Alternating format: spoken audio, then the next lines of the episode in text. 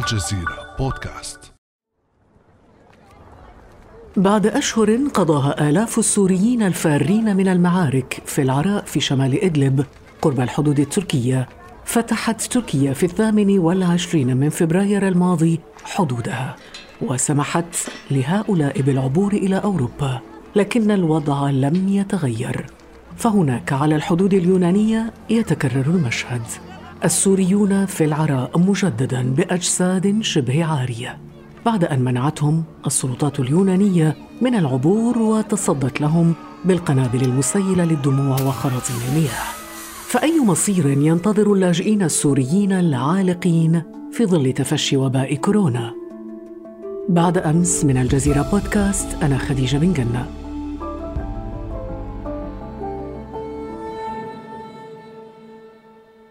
مستمعينا بسبب استمرار أزمة وباء كورونا فأنا أواصل تسجيل الحلقات حلقات بعد أمس من البيت وأعتذر لكم لهذا مسبقا. عن أي صوت نشاز ضوضاء أو أي أصوات خارجية قد تسمعونها خلال التسجيل فتحملونا. ينضم إلينا الزميل محمد سليمان الفقيه الشاذلي من مركز الجزيرة لحقوق الإنسان. أهلا وسهلا بك زميل محمد. يا مرحبا. محمد يعني أكيد لاحظت أنه أزمة اللاجئين السوريين يعني غيبت في ظل أزمة كورونا ولكن بدأت تعود هذه الأزمة إلى واجهة الأحداث. ما الذي اعادها هي في الحقيقة بدأت تعود ولكن في خضم ما يجري الآن من كورونا فيروس وما إلى ذلك لم تزل في المقاعد الخلفية حتى الآن. وما دعا منظمة هيومن رايتس ووتش قبل أيام قلائل إنها تصدر بيان وتتحدث عن أنه هذه القضايا الإنسانية تأثرت وزاد من سوء الأمر. ال lockdowns هذه الاحتجازات وعدم الحركة هذا أعاق حتى المساعدات الإنسانية البسيطة اللي كانت تصل. فالقضية الآن أصبحت أكثر تشعبا وأكثر صعوبة لهؤلاء الناس. ولم يزل الناس في أوروبا يعتقدوا أن هؤلاء migrants أنهم مهاجرين. ما زال حتى وسائل الإعلام العربية الضخمة جدا. وفيها المستقلة The Independent ما تزال تطلق عليهم كلمة مهاجرين. يمكن هذه القضية تعيدنا يعني الجدل حول تعريف اللاجئ والحقوق التي يجب أن يتمتع بها. طب ما الفرق بين المهاجر واللاجئ؟ اللاجئ هو شخص خرج من بلاده مضطرا لأنه في أعمال عنف أو نزاعات مسلحة ليست بيده. والخلفية التاريخية المتعلقة بتأسيس المفوضية السامية للأمم المتحدة لشؤون اللاجئين عام 1951 هذه المفوضية ومن الآيرونيز من عبث الأقدار إنها أنشئت للأوروبيين. الأوروبيون هم أول من تمتع بصفة اللاجئ. بعد الحرب العالمية الثانية التي خلفت ملايين القتلى والمشردين داخل بلدانهم أو الذين عبروا الحدود إلى بلدان أخرى. محمد هذا التعريف الذي قدمته الآن للاجئ بناء على المواصفات التي تحددها المفوضية السامية لشؤون اللاجئين التابعة للأمم المتحدة، هل هذا ينطبق على اللاجئين السوريين طبعا؟ هذا التعريف لا ينطبق لأنه ينطبق ما جاء في بروتوكول 1967 الذي قام بتوسيع تعريف اللاجئ ونطاق حمايته ليشمل من يستحقونه حول العالم. طيب أستاذ محمد ما الذي دفع باتجاه موجة ثانية من اللاجئين السوريين اليوم؟ هو طبعا الأمر تكتنف كثير من الظلال السياسية أيضا. الأوروبيين بيعتقدوا أنه تركيا بتلعب بهؤلاء الأشخاص اللي هم بالنسبة لها مهاجرين لأغراض أخرى سياسية. الأتراك مثلنا بيعرفوا هؤلاء الناس بأنهم لاجئين. والأوروبيون؟ والأوروبيون لا يعتبرون ذلك يعتبرون هذه مسألة ضغط سياسي من تركيا. والاتحاد الأوروبي وهو يغالط نفسه لأنه سنة 2016 أبرم الاتحاد الأوروبي اتفاق مع تركيا في مارس 2016 اللي هو منعت بموجب أنقرة المهاجرين هم يقولوا المهاجرين هنا على أراضيها مش اللاجئين من محاولة الوصول إلى أوروبا. هذا الاتفاق تم وهذا شيء غريب. وفي المقابل وعد الاتحاد الأوروبي بأنه يقدم مساعدات مالية قيمتها ستة مليارات. ولم يقدمها. قدم جزء منها الاتراك بيعتقدوا إنه الاتحاد ما أوفى باتفاقية مارس 2016 ففتحوا الحدود طيب إذا كان الأوروبيون يصرون على تسميتهم بالمهاجرين وليس باللاجئين هل هذا ما يبرر ما نراه اليوم من سلوك الاتحاد الأوروبي موقفه من الرد اليوناني؟ طبعا إذا أنت استخدمت أو قبلت أنه تعريفهم بمهاجرين هذا يخرجهم تماما من مظلة الحماية القريبة والأساسية بموجب ال UNHCR المفوضية السامية لما تهاجر أنا أهاجر أنت تهاجري. يبدو المسألة مختلفة جدا.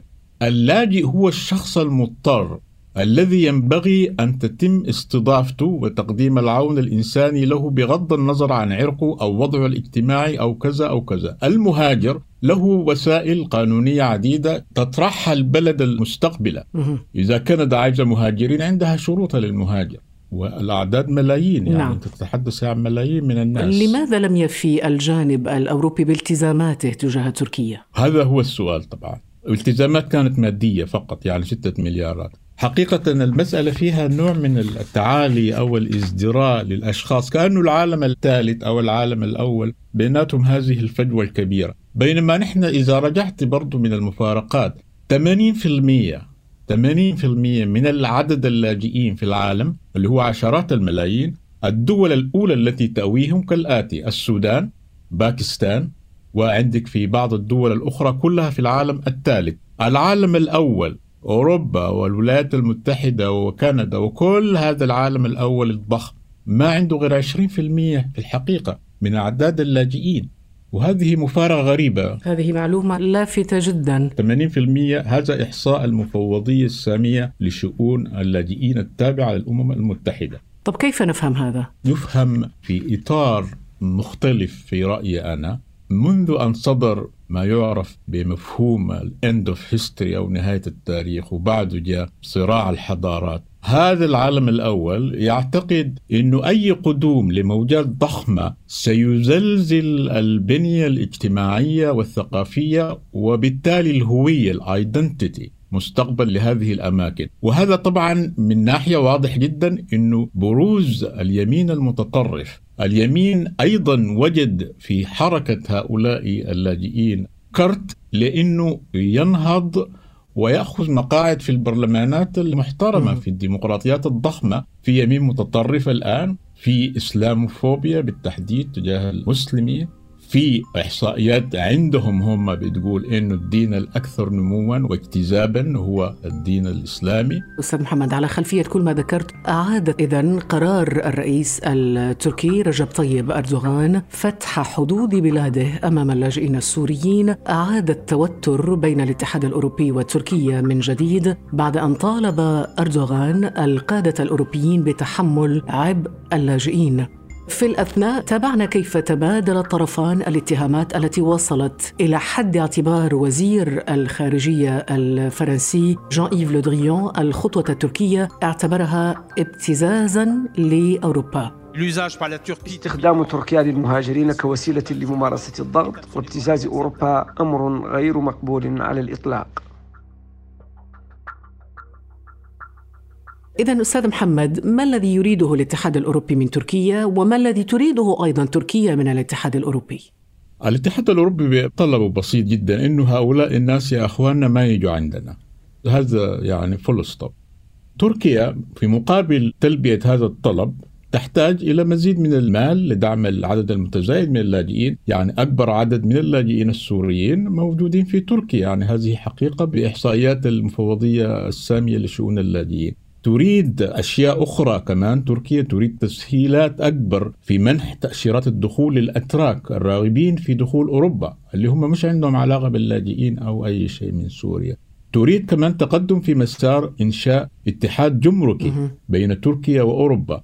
تريد أيضا آه، تخفيف هذا الضغط على تركيا لكي تصبح يعني عضو في الاتحاد الأوروبي مطالبة بأشياء كثيرة، هي أيضا تريد إنه مقابل هذا إنه يغض النظر عن أشياء أخرى ويسمح لها بالتمتع الكامل باعتبارها دولة أوروبية. طب هل من الوارد أستاذ محمد أن تستقبل أوروبا هؤلاء اللاجئين لأسباب إنسانية؟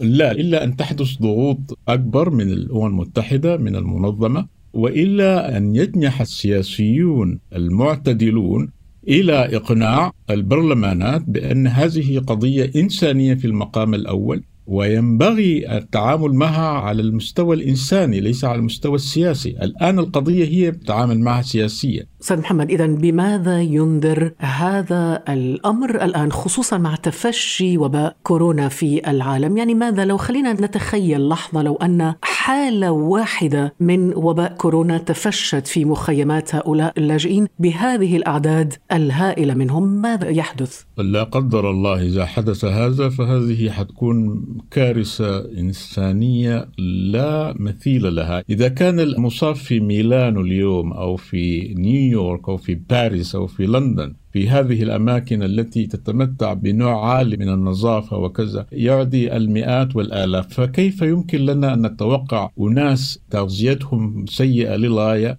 اكتظاظات كبيرة جدا. أطفال وشيوخ ونساء وفئات عمرية يعني تعاني الكثير. إذا حدث لا قدر الله أن ظهرت حالة واحدة فسرعان ما ستتفشى. يعني هنا بصراحة الأرقام مخيفة أستاذ محمد. يعني عندما نتحدث عن قرابة مليون يعني منظمة الأمم المتحدة عندما تقول 950 ألف نازح منهم نصف مليون طفل فهذا ينذر بكارثة إنسانية عظيمة. ضخمة كما قلت لك هي تصبح شيء يعني حقيقة درامي وتراجيدي. طيب كيف نفسر إذا هذا النوم أو هذا السبات للمنظمات الإنسانية إذا وضع اللاجئين السوريين في ظل تفشي وباء كورونا في العالم؟ يعني هذا شيء مريع مجرد التفكير فيه مريع. لكن المنظمات الحقيقة إذا أنت متابعة Human Rights Watch ال UNHCR الوكالة النرويجية للاجئين كل هذه المنظمات نشطة جدا وحتى الإعلامية منها في التحذير وفي المناداة. ولكن هذه المنظمات للأسف ليست صاحبة قرار.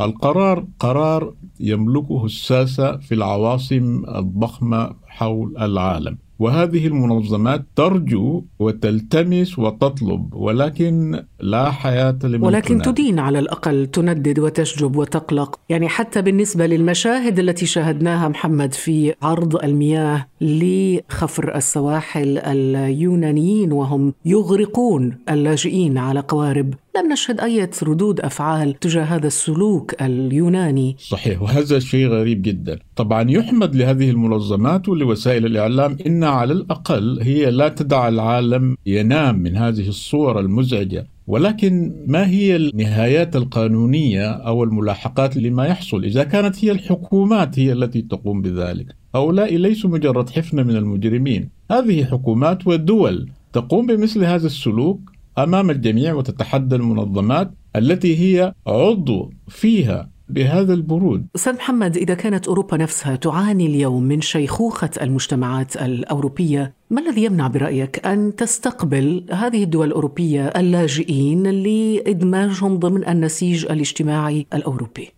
المجتمعات حقيقة من ناحية اقتصادية وإحصائية والفئات العمرية تحتاج إلى دماء جديدة تحتاج إلى أعداد جديدة ولكن لا تحتاج إلى السوريين ولا إلى المسلمين. ويمكن ترامب عملها قبل فترة بشكل واضح. قال هذه الدول الناس اللي يجوا منها لأمريكا والله ما قاعدين يندمجوا معنا وكل الدول التي هنا تتحدث عن الدول يعني بتفاوت بين هذه الدول. يعني الحالة الألمانية ربما تختلف عن الحالة الفرنسية أو البريطانية. أم انه الجميع على نفس السياسة؟ الجميع يتخوفون من المسلمين. الإسلاموفوبيا. يعتقدوا الآن نحن محتاجين أوكي لأعداد جديدة. بس عايزين الناس يكونوا أقرب لنا شوي. مع إنه ألمانيا استقبلت الكثير ما يكون منهم. مسلمين. ولكنها وجهت بنقد ضخم والآن هي ما عادت ما فعلته. هل ما تحتاجه أوروبا ربما هو مهاجرون من نوع معين؟ وهي تعترض اليوم على انه هذه الهجرة اليوم فوضوية وليست بالمقاييس التي تريدها أوروبا. بالضبط بالضبط. أوروبا والولايات المتحدة، الولايات المتحدة more flamboyant يعني وضعتها بشكل صارخ، م. نحتاج لناس ولكن هؤلاء الناس حتى في ال lottery هذا بعض الدول الآن ممنوع تقدم. إذا كنت أنت من دولة معينة فيها ثقافة قوية شرقية أو ثقافة إسلامية قوية ممنوع أنك حتى مجرد تقدم لهذا الشيء. واضح يعني تحولت إلى ثقافة بناء الجدران كما يفعل الرئيس الأمريكي دونالد ترامب. بالضبط. بالضبط. شكرا جزيلا لك زميلنا محمد سليمان الفقيه الشاذلي من مركز الجزيرة لحقوق الإنسان على هذه الإضافة المميزة في موضوع اللاجئين وتحديدا اللاجئين السوريين على حدود أوروبا. شكرا لك. يا أهلا يا أهلا. كان هذا بعد أمس.